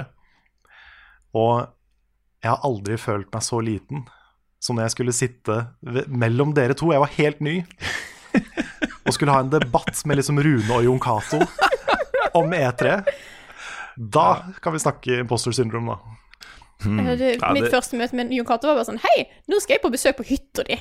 Ja. Ja. nettopp. Mm. Da jeg var, jeg Nei, følte vi- meg ganske uh, small. Ja. Nei, vi, vi kommer tilbake til, uh, til det. Jeg har, jeg har lyst til å liksom, uh, få han i på en måte en sofa og snakke med han litt om den lange karrieren hans. Men han slutter jo ikke ennå, da, så jeg tror kanskje vi skal prøve å time det til at han faktisk slutter. Så det var jo nyheten som kom nå. Han er jo, han er jo fortsatt sjef for Krillbite og sånne ting. Og så fortsetter han jo med Lolbua og Spillrevyen, som er den andre, andre podkasten han lager sammen med Lars Rikard. Den er også veldig bra. Eh, og med spillquiz og sånne ting. Vi kommer nok til å se han som en, en slags sånn syvende far i huset i spill, eh, norske spillmiljøer fortsatt. Um, du Yes. kan, jeg tror ikke du kan ta spillene ut av Jon Cato. Så Nei, da eh, tror jeg ikke er så lett å få til, nei. hva kommer egentlig nå? Jeg har ikke peiling. Hva kommer nå? I anledning mitt femårsjubileum, Å oh, nei! Så Hva? har jeg lagd en quiz. Jeg husker jo ikke sånne ting, Frida. Oh my god. Er det Frida-quiz versjon 2? Dette oh er en eh, Jeg har valgt å kalle den eh, Level Up EF. Og EF står da selvfølgelig for Etter Frida. etter Frida. Da stemmer. Jeg har lagd en quiz om oss. Eh, Ah, ja. om hva vi har gjort, og hva som har skjedd Ja. siden jeg oi. eh, ble med. Eh, og det er ikke nødvendig at dere skal på en måte kunne alt her, men det er noen sånn den som er nærmest type ting. Okay, Fordi jeg har gått igjennom tok, Jeg tror jeg aldri har gjort så mye research før en, eh, før en quiz noen gang. Jeg har gått igjennom Ikke sett, men jeg har gått gjennom alle anmeldelser vi har gjort de siste fem Nei. årene. Oi. Eh, bare for å finne okay. ut litt sånn småting. Eh, Ja. eh, så eh, dette, er, dette blir en level up-episode der det har vært det er fokus på oss, så den, da tar vi Ja. og fortsetter på. Så mitt Da begynner vi med spørsmål nummer én. Eh, mitt første inntog i Level Up var som gjest i podkasten, som da het Level Upcast. Eh, så da Hva var de store spela vi snakker om i den podkasten? Det var to spill, hovedsakelig. Det er ett eh, spill i en kjent serie, og en DLC til et annet spill. Ok. Um, det her var 2015. 2015. Rune, Rune, ja. GTA 5 GTA 5 og og uh, en eller annen delsett i Destiny. Ja. Carl, hva sier du? Jeg sier DLC-en tror jeg er Bloodborne, The Old Hunters. Mhm. Og det store spillet mm. Å, vanskelig. Kan det ha vært Until Dawn? Det er en kjent serie. Å, en Sa jeg? kjent serie. Ja. Uh, shit. Um, det er ikke Bloodborne, det òg. Det er det vi går for. Da kan jeg si at spillet var Assassin's Creed Syndicate. Ah, Og DLC-en var Destiny House of Wolves, så det er poeng til Rune. damn it. Det, det, det hadde gitt, sånne det hadde gitt mening for Rune å snakke om, Old Hunt, om, om Destiny i hver episode. Yes. 2015 var liksom Destiny-året. Dette var jo Ja. et par episoder, eller par, bare noen få uker etter 100, eh, episode nummer 100, eh, som var jo Destiny eh, hvis du kan si det sånn. Stemmer det. Yes. Jeg må legge til en ting her, da, fordi det, det å på en måte pinpointe sånn årstall og sånne ting, er litt, det er litt vanskelig, altså. Ja da. jeg må bare få sagt det. Det er ikke så lett. Helt innafor. Eh, vi fortsetter. Spørsmål. Hvor mange spill har jeg anmeldt siden jeg ble ansatt? Rune, Yes. Uh, 15. yes. Da sier jeg 20. Jeg har anmeldt 39 spill. Oi! Seriøst? Ja. Har du anmeldt så mange spill? Jeg har møtt Wow. 39 spill. Wow. Wow. Det er jo eh, På fem år, sant, så er jo da eh, Ja, Ja, det er sant, det. fem års fader, ass. Ja. Det um, Ja, jeg burde ha, burde ha tenkt meg litt mer om der. mm, burde sikta høyere. Men da, kom, Men, eh, da er det Carl som var nærmest. Ja, nærmest, ja. Ikke Ja. sant? Jeg, jeg føler ikke jeg helt fortjener poeng for 20, ass, men Nei, eh, det- Nei, Det, jeg kan sette deg som et halvt poeng. Eh, så du må gjerne, du må gjerne gi poeng. meg Ok, greit. altså. Ja, du noterer poeng? jeg noterer poeng. Ja, det er bra. Hvor mange av disse 39 spillene var eh, før VG la oss ned? Rune, Ja, to. du sier to? Karl? Da sier jeg fem. Det var tre, så Rune var nærmest. Ah, Gratulerer. Ja, ja, poeng til ja, Rune. ja, ja. Nå tenkte jeg at jeg skulle sikte høyt, ikke sant? Ja. Jeg har som sagt gått gjennom alle spillene vi har anmeldt. Hvor mange spill er da siden 22. mai 2015? Av hele Level Up, hvor mange spill har liksom kommet ut på Level Up-kanalen som anmeldelser? Rune, Yes. Uh, 140. 140? Karl? Jeg, sik jeg sikter høyere.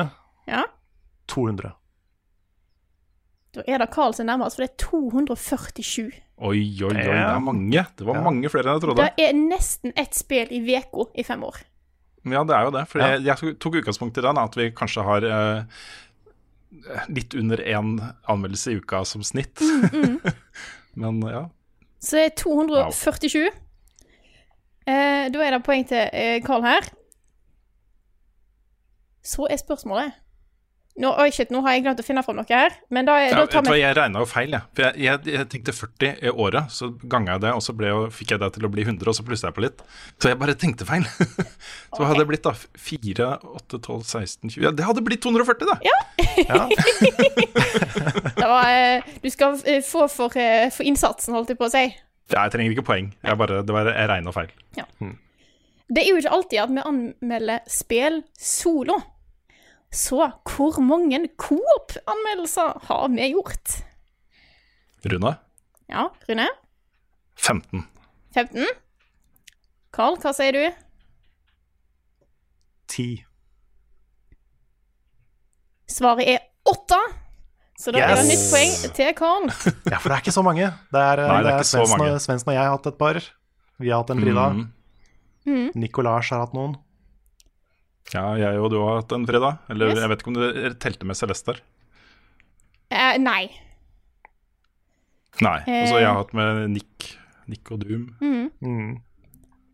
Mm.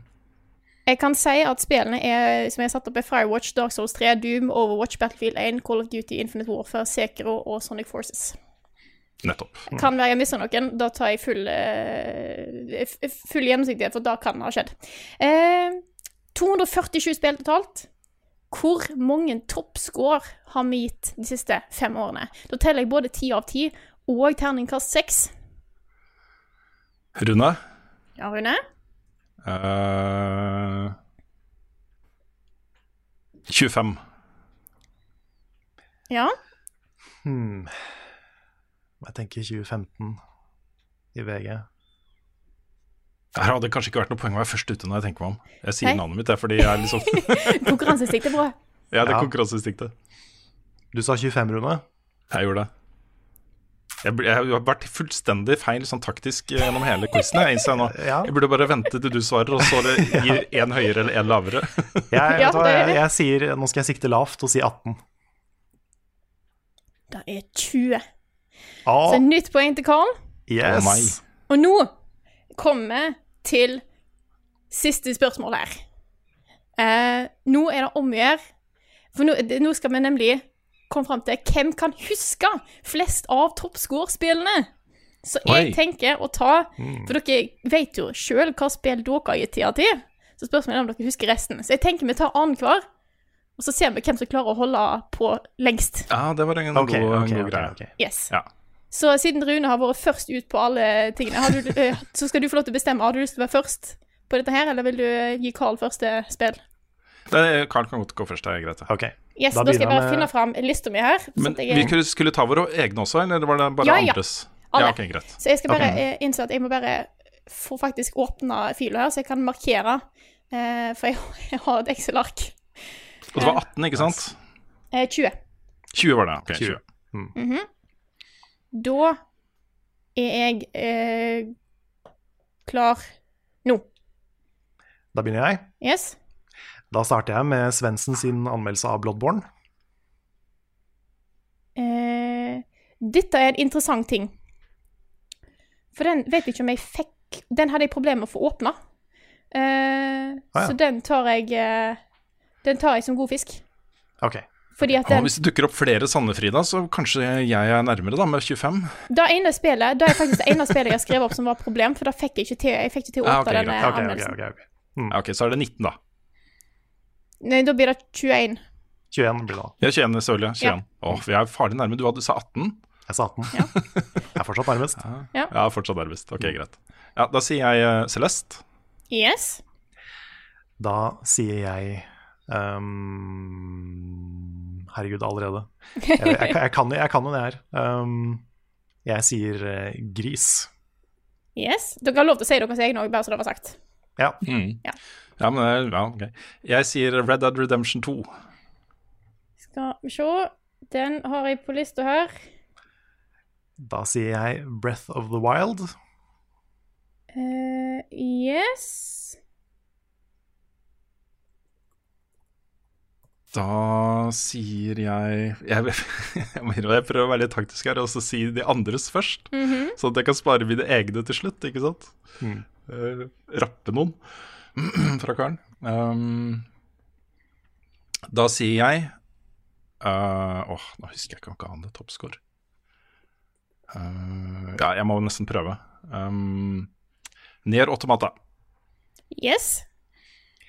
Da sier jeg Super Mario Odyssey. Yes. Da jeg har vi markert noen her, men det er fortsatt en god del igjen. Hvor, eh, hvor mange det så inkludert terningkast seks, ikke sant? Det første året. Hmm. Nei, vet du hva? Unnskyld, nå surrer jeg. Eh, Carl, Bloodborne kom før 22. mai. 2019. Ah, shit. Så den er det, det, Nå ligger du én under. Oh, oh Ah, Oh, shit. Betyr det at jeg må Hva betyr det? Eh, at du, du ligger én under. Ok. Yes. ok. Eh, åh, Så hvis Rune på en måte mister én, så får du én, så ligger dere likt. ok. Da sier jeg um, Da sier jeg Undertale. Her kan vi diskutere litt. Og Den har jeg satt et spørsmål på, for den fikk aldri karakter. Nei, det er feil, fordi nei. vi har anmeldt aldri andre Pokker. andre. Vi har aldri, aldri anmeldt eh, Så da er dere likt. Da er vi tilbake på likt. Yes. Ok. Ok, da er det meg. Mhm. Da um, sier jeg Disko Elysium. Da ser vi Um,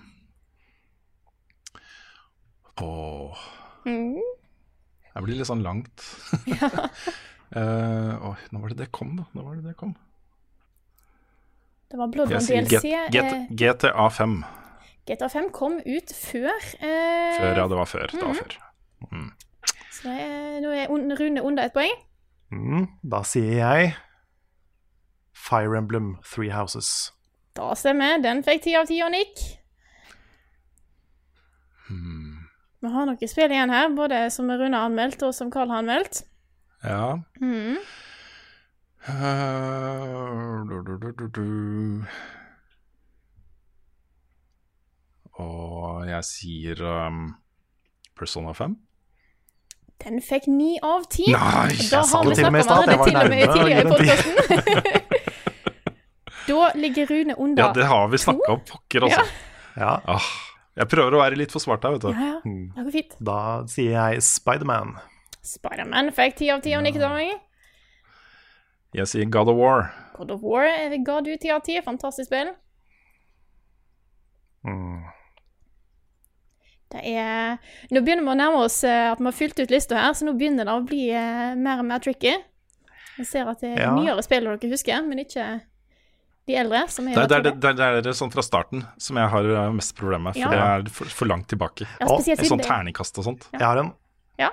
The Witness. The Witness ble anmeldt tidligere på året. Det, det er 2015, men det var før mai. Nei, The Witness er 2016. Ja, det er 2016. Det er Ja. Ja, det er 20, for det var etter at det var. Ja.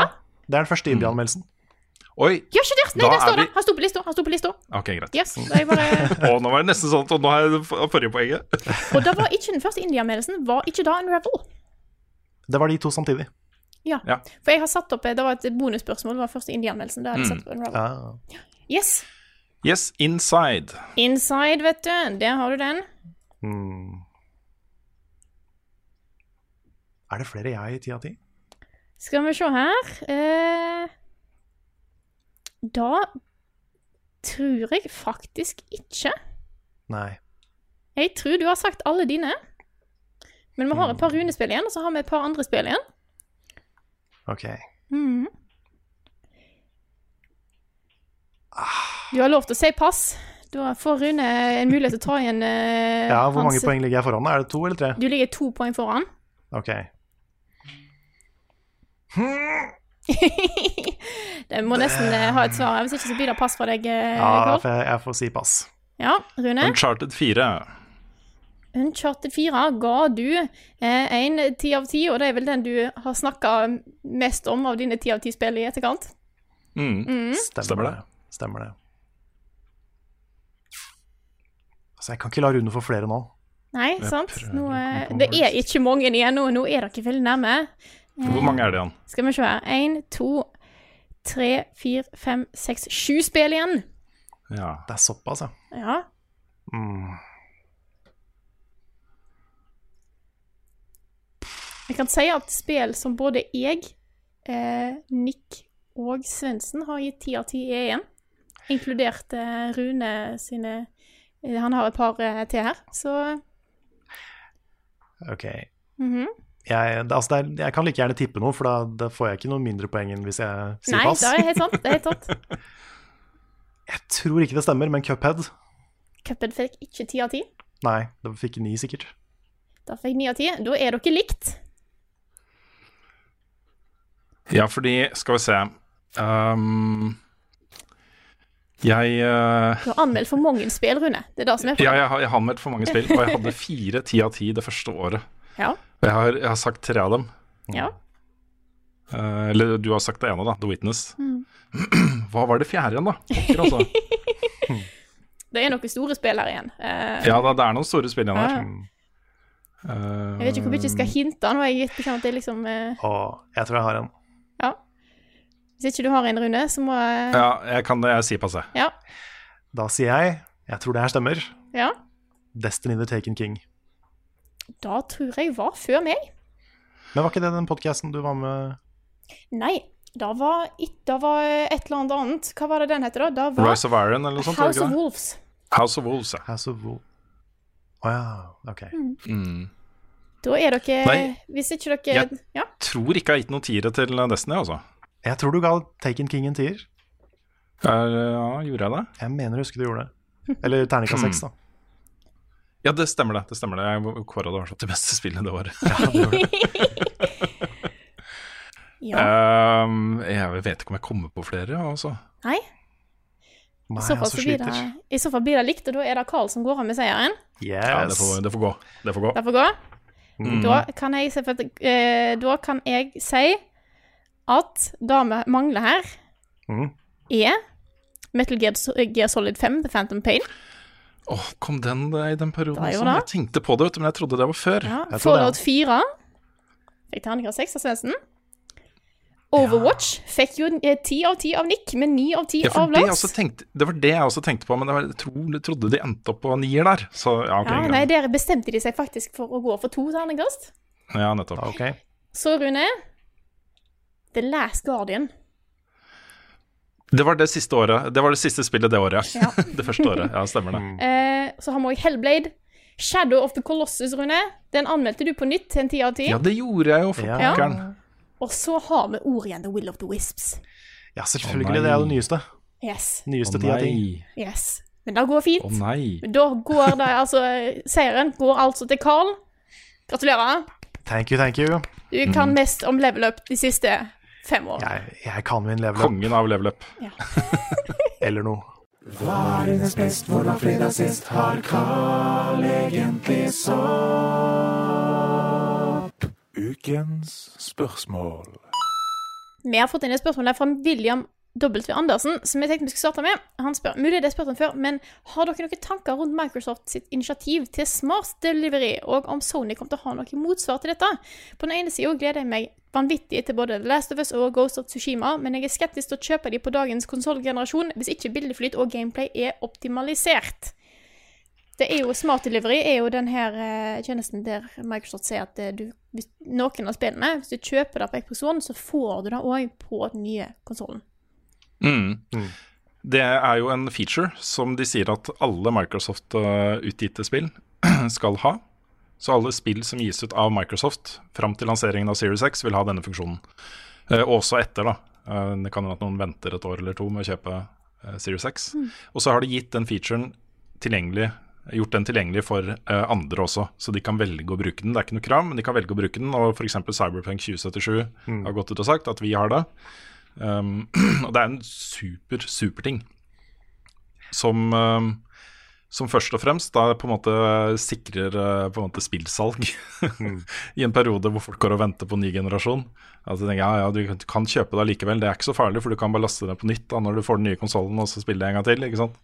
Så, um, så det er ganske smart. Det er smart, smart delivery. Smart, smart delivery. Mm. Men så er det også samtidig en, en, en hyggelig tjeneste for gamere.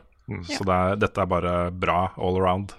Det er sant. Det er jo ofte sånn når en ny konsoll starter, eh, eller blir lansert, så kommer det massevis av HD remasters og sånne type ting. Og det er litt kjedelig å kjøpe de samme spillene på nytt bare for å kunne bruke konsollen din. Den nye konsollen. Mm. Så det at du slipper det, er kjempebra. Og jeg håper jo Sony ser det her og gjør det samme. Det er jo kjedelig å kjøpe Last of Us 2, Ghost of Tsushima, alle de siste bra PlayStation 4-spillene på nytt, bare for å ha noe å gjøre på PlayStation 5. Mm. Ja. Det, som, det som er eh, litt interessant der, synes jeg, er at eh, dette er en sånn feature som, eh, som jeg føler legger press på Sony. Og det er ikke så mange av de. Også eh, de andre tingene med antall teraflops og hvor bra SSD-disken er og sånne ting. Dette er mer sånn ok, det eksisterer det også, er salgsargumentet, men ikke på samme måte. Dette er Vi alle vet at alt Sony trenger å gjøre for å innføre en lignende ting, er å bare endre litt praksis og en litt kode og sånne ting, liksom. Det er bare å gjøre det. De trenger bare å gjøre det. De trenger ikke å investere noe i det. Men det er en stor forskjell her på Sony og Microsoft. Og det er at Microsoft har en lommebok som er bare smellfeit. Og de velger å bruke den lommeboka til å tilby tjenester som de taper penger på. Og dette er det at folk kjøper, har lyst til å kjøpe The Last of Us Part 2 på nytt på PlayStation 5 og bruke penger på det, er det mange som kommer til å gjøre hvis ikke den featuren eksisterer. Så det er i praksis et bevisst valg om å tape sjukt mye penger hvis Sony også innfører det samme, som da Microsoft gjør. Så, um, så jeg vet ikke, altså. Jeg har en mistanke om at Sony ikke kommer til å tilby den samme featuren. Men, um, men um, ja, hvem vet. Eh, Det hadde vært interessant å se også hva som skjer med liksom save datas Save data, save data, save data. Save data. Lagringsdata på spillene. For det er jo en del av spillene som på en måte det hadde vært interessant å ha med seg saven. da Hvor Ja. du kan bare spille videre Mm. på den. Kanskje i et New Game Plus eller et eller annet. Det, jeg vet ikke, jeg har ikke sett noe om det. Det er mulig at det eksisterer informasjon om det som jeg ikke har eh, fått med meg. Men uh, i hvert fall da, at man får, uh, får spille på nytt, er jo kjempebra. Men jeg tror da som sagt ehm, eh, ikke Sony kommer til å gjøre det. Det er mitt, uh, mitt tips. Ja, jeg tror du har rett. Mm. Vil gjerne bli positivt overraska, men jeg tror du har rett. Skal jeg eh, fortsette med spørsmål her? Mm. Eh, det er Martin Herfjord har et spørsmål her. Eh, han tar opp et sitat fra eh, Raff Grassetti, som er jo da art-designeren i Santa Monica Studios, er det ikke? Ja, Art Director, Art tror jeg tittelen ja. Mm. Mm. Så sier jeg, That's why technologies and workflows are evolving as consoles get better. There are tons of work behind the scenes. The console war is dumb. It's about the games. The future looks amazing on all platforms. Og spør er konsollkrigen nå død? Er det først og fremst spillmotorer som setter tonen for spillutvikling nå? Dette er jo i sammenheng med Unreal Engine 5. Jeg har bare lyst til å si, ta opp dette her, for jeg har lyst til å si at jeg tror aldri at konsollkrigen kommer til å dø, fordi internett elsker å diskutere. Ja, jeg tror konsol konsollkrig har altså i, i starten eh, Når jeg sier starten, så mener jeg den første store krigen som var mellom Nintendo og Sega. Yes.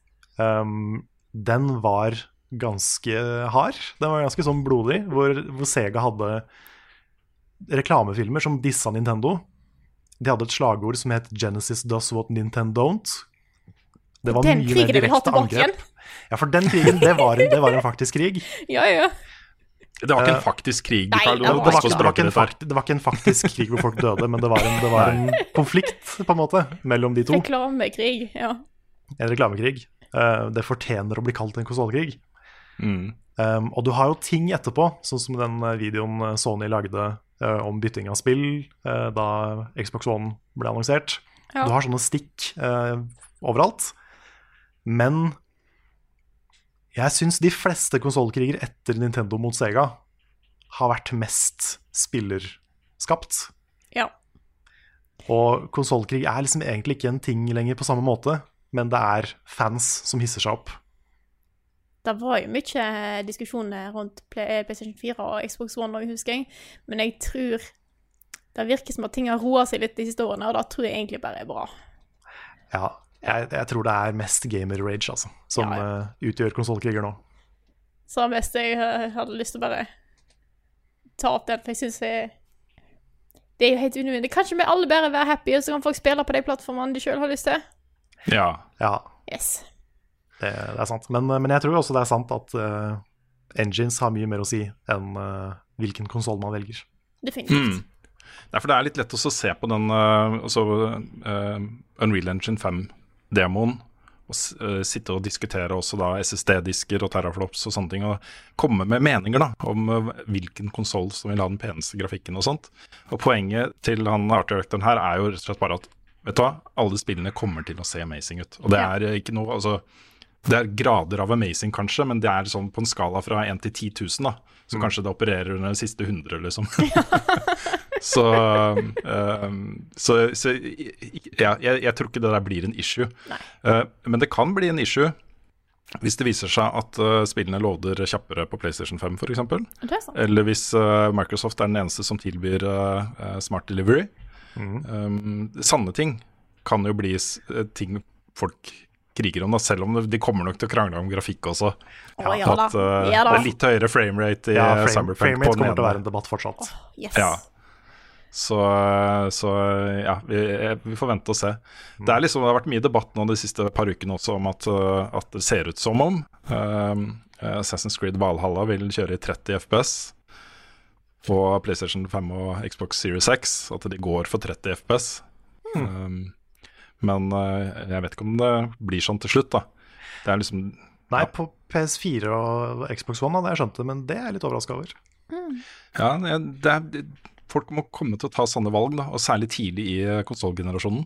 Mm. Så, så tror jeg noen må velge om de skal prioritere veldig veldig høykvalitets assets og 4K og 8K, Ja.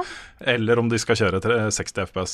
Og det, er, eh, det vil nok ta litt tid før på en måte ting optimaliserer seg såpass at man kan si ja takk, begge deler. Men jeg tror hvilken TV du har, kommer til å ha vel så mye å si for, eh, for holdt på å si, satt opp mot hvilken konsoll og alle features og sånne ting på spill. Ja, uten tvil. Og det er en sånn ting som mange ikke tenker på. At har du, okay, har du en 4K-TV, men du sitter litt for langt unna den, så er det som å ha en vanlig 1080p-TV. Ja. Sånn i hva øyet oppfatter, da. Mm. Så, mm, eh, så ja, det er helt sant, Karl. Og, så har du jo ja, jeg vil bare legge til at så har du jo liksom Nintendo som en outsider på dette her, som ikke er med i den krigen her i det hele tatt. Og bare leverer kule spillopplevelser som ikke handler om grafikk i det hele tatt. Uh, og det er liksom jeg, jeg tror ikke det blir så viktig nå, altså, den ikke der grafikkdebatten. Ikke i det hele tatt. Mm. Nei. Da kaster jeg, gir jeg, gir jeg ballen til dere. Sleng den. Ja, det er da for lytterne så er det da ikke en faktisk ball. Nei. Nei, Nei. den er uh, virtuell. Yes. Virtuell Jeg, ball. har- jeg har et spørsmål der fra Jakob Masse som jeg har lyst til å svare på. Yes. Mm. Ja, som jeg det var det jeg er litt skulle- interessant. Det var det jeg også skulle ta. Ja, nå, er jeg, nå tar jeg det, Karl. Ja, det er greit. Mm. Jeg er flinkere enn deg til å velge spørsmål. Jeg var først. Jeg er først. Den, den vant jeg. Uh, han spør da uh, Animal Crossing får folk til å dælje løs på trær og steiner og plukke skjell og frukt i timevis hver dag. Hvorfor er det så mye lettere å stå på i spill enn i det virkelige livet? Og jeg kjenner meg så sjukt igjen. Oh yes. Jeg har brukt mye mer tid på å innrede hus i Animal Crossing og Minecraft enn jeg har gjort i virkeligheten. Å ja. Mye, mye, mye, mye mer tid. Nei, jeg vet ikke. Du, du, du sitter jo stille, da. Du sitter jo der bare og trykker, Ja. liksom. Det er Det har jo litt å si. Mm. Er, altså, og så er det noe med at du får mye mer respons på det du gjør. Mm. Du ser resultatet med en gang. Liksom du kan, hvis du skal bygge et nytt rom i Minecraft, så tar det deg ett minutt å grave ut et nytt høl i veggen. Mm. Mens i virkeligheten så er jo det et mange måneders prosjekt. Og du må søke om tillatelse til å utvide huset ditt. Det er, liksom, Ja. det er jo to litt forskjellige verdener. Kan dere se på det sånn Mm. som i Stardew Valley. Der gro, kan du jo gro grønnsaker som du måtte, ser at vokser og blir store, og så kan du selge dem Mm. på en time. Mens i virkeligheten så er det sånn Ja, nå har jeg sådd et frø, nå må jeg vente fem dager før det spirer. Og så må jeg vente tre måneder før det skjer noe eh, som jeg kan få noe ut av. Mm. Det er Det er mer ikke like, like gøy å sitte og se på. Nei, det er mer hassle i det virkelige liv. Mm. Ting er Ja, lettere det i er det, altså. Ja, ja. Det er er lettere å bli en bedre person i persona enn det er i virkeligheten. Du får bare noen stats hver gang du svarer riktig på et spørsmål. Hver gang du spiser en svær burger, så får du mer guts.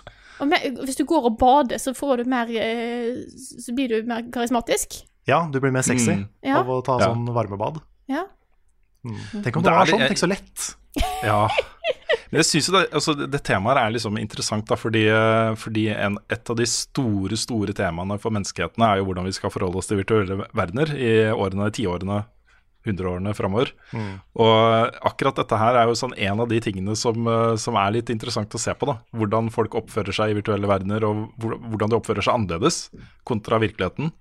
Um, og det er Jeg, jeg syns temaet er spennende, altså. Fordi eh, man, man oppfører seg annerledes i virtuelle verdener, og man er en, litt en annen person. Man henter ut deler av personligheten sin som ikke er så fremtredende i virkeligheten og sånne ting.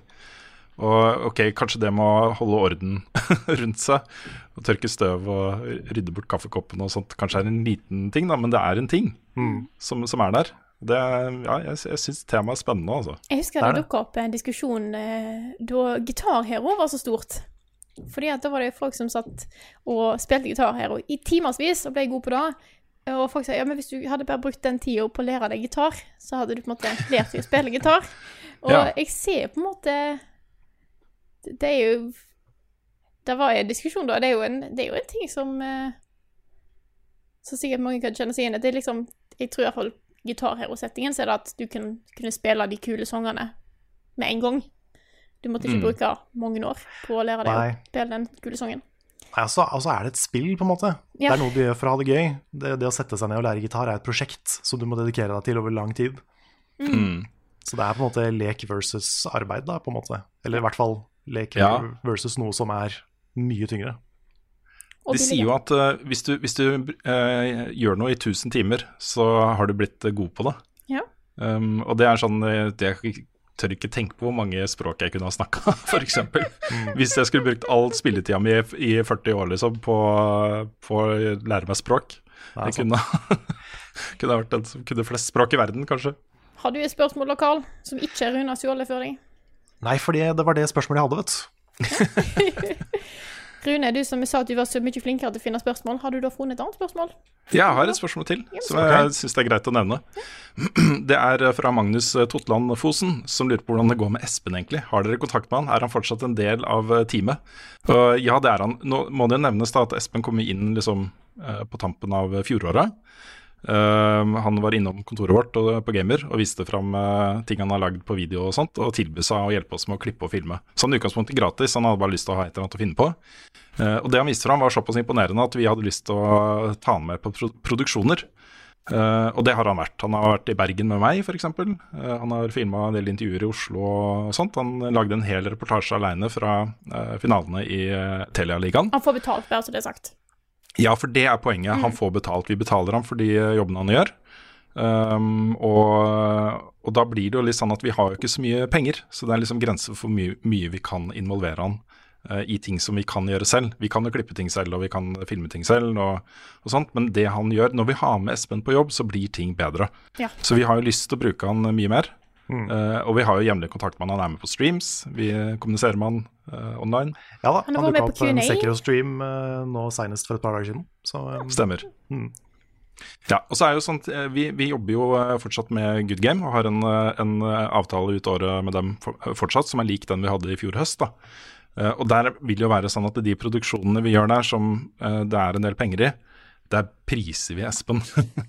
Han skal være med å filme og klippe de for oss, eh, og med oss. Så, eh, så håpet vårt er jo at vi skal liksom kunne klare å generere en del jobb til Espen etter hvert. Eh, Men han er en sånn luksusvare for oss akkurat nå. En utrolig hyggelig fyr. da. Så sånn Rent sosialt så er det veldig hyggelig å ha Espen med eh, på laget. Men sånn produksjonsmessig så er det han leverer er på en måte luksusvare for oss. Det er ting som løfter kvaliteten på det vi gjør. Men vi kan gjøre det selv, og hvis ikke vi har råd til å bruke eksterne, så må vi nesten gjøre det selv. Så, så det er litt situasjonen, da. Og så ble det jo litt, uh, litt begrensa av at eh, Norge stengte. Vi har jo ikke kunnet gå ut og lage reportasjer og filme ting ute og møtes for å filme ting og sånne ting, og da blir jo også det behovet litt mindre, da. Men Espen er en del av gjengen nå. Da jeg føler jeg Det er han. måte det er den. Absolutt. Veldig Jeg, hyggelig tilskudd til teamet. jeg fant et spørsmål. Hei! Det er fra Mathias Kolsrud Aase. Han spør har dere noen planer for fremtidige Nick-spill. Noen spillere tenker han, han eh, bare må få med seg. Og vi har jo prata masse om det på slutten av hver Nick-stream. Fordi eh, vi har jo begynt med sånn greie nå. Nick spiller spill for første gang. Det er en del klassikere han ikke har fått med seg, så da får han oppleve det live. Og de har blitt kjempefine, de streamene. Åh, det er så bra. Så eh, vi har prata om mye forskjellig. Vi har prata om Ori and the Will of the Wisps. Tror jeg han har lyst til å ta etter hvert. Og vi har prata om Her Story. Um, det har vært mange flere. What remains, what remains of Edith What Finch. Remains of Edith Finch hadde vært en veldig bra en. Han er, jeg tror han er gira på å spille ganske mye nye ting, altså. Ja, han er det. Så eh, det kommer nok flere sånne Nick hopper ut i streams. Mm. Er rimelig sikker. Det hadde vært veldig veldig fint. Altså, han er en, en født streamer. Han er det. Og så er det Han blir så engasjert i ting. Jeg har Mm. fått nå, Han sitter jo også og spiller Final Fantasy 7 Remake, og jeg får jo sånne oppdateringer på Facebook og sånn Oh my god, nå skjedde det! Og det er så gøy, fordi eh, det er liksom Det er ingenting som er mer gøy enn å dele noe med noen som er skikkelig entusiastisk, ikke sant? Mm, Og det er, sånn de, det er sånn de streamene blir. Ja. Og det, er så, det blir kjempegøy å se på. Så jeg, jeg koser Mm. meg veldig med de. ja, det er kult. Skal vi ta en runde av der, eller? Ja, det, vi det er, eh, det er greit. Da, da Bare sånn at ikke Carl tar meg igjen med flere spørsmål, liksom. Nei, sant, Ja. det er viktig å holde det litt jevnt. Det er viktig at Rune er best på det. Jeg vant Q&A. Q&A. Du vant Q&A. Det, det skal, Jeg vant, jeg vant det som Nei. nei, nei.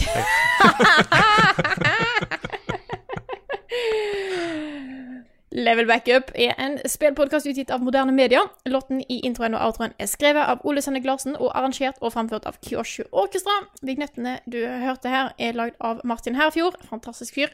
Du finner mye mer innhold fra oss på youtube.com slash levelupnord og på twitch.tv slash levelupnord.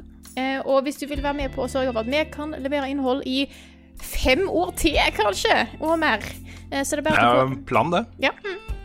Så kan Oh, jeg yeah. ha ny, ny, nytt jubileum og ny quiz. Eh, så er det bare å gå inn på patreon.com slash levelupnorge og bidra med det du har lyst til, eller muligheten til der. Tusen takk til alle som eh, støtter oss. Eh, takk til alle som har hørt på. Og så snakkes vi igjen neste uke.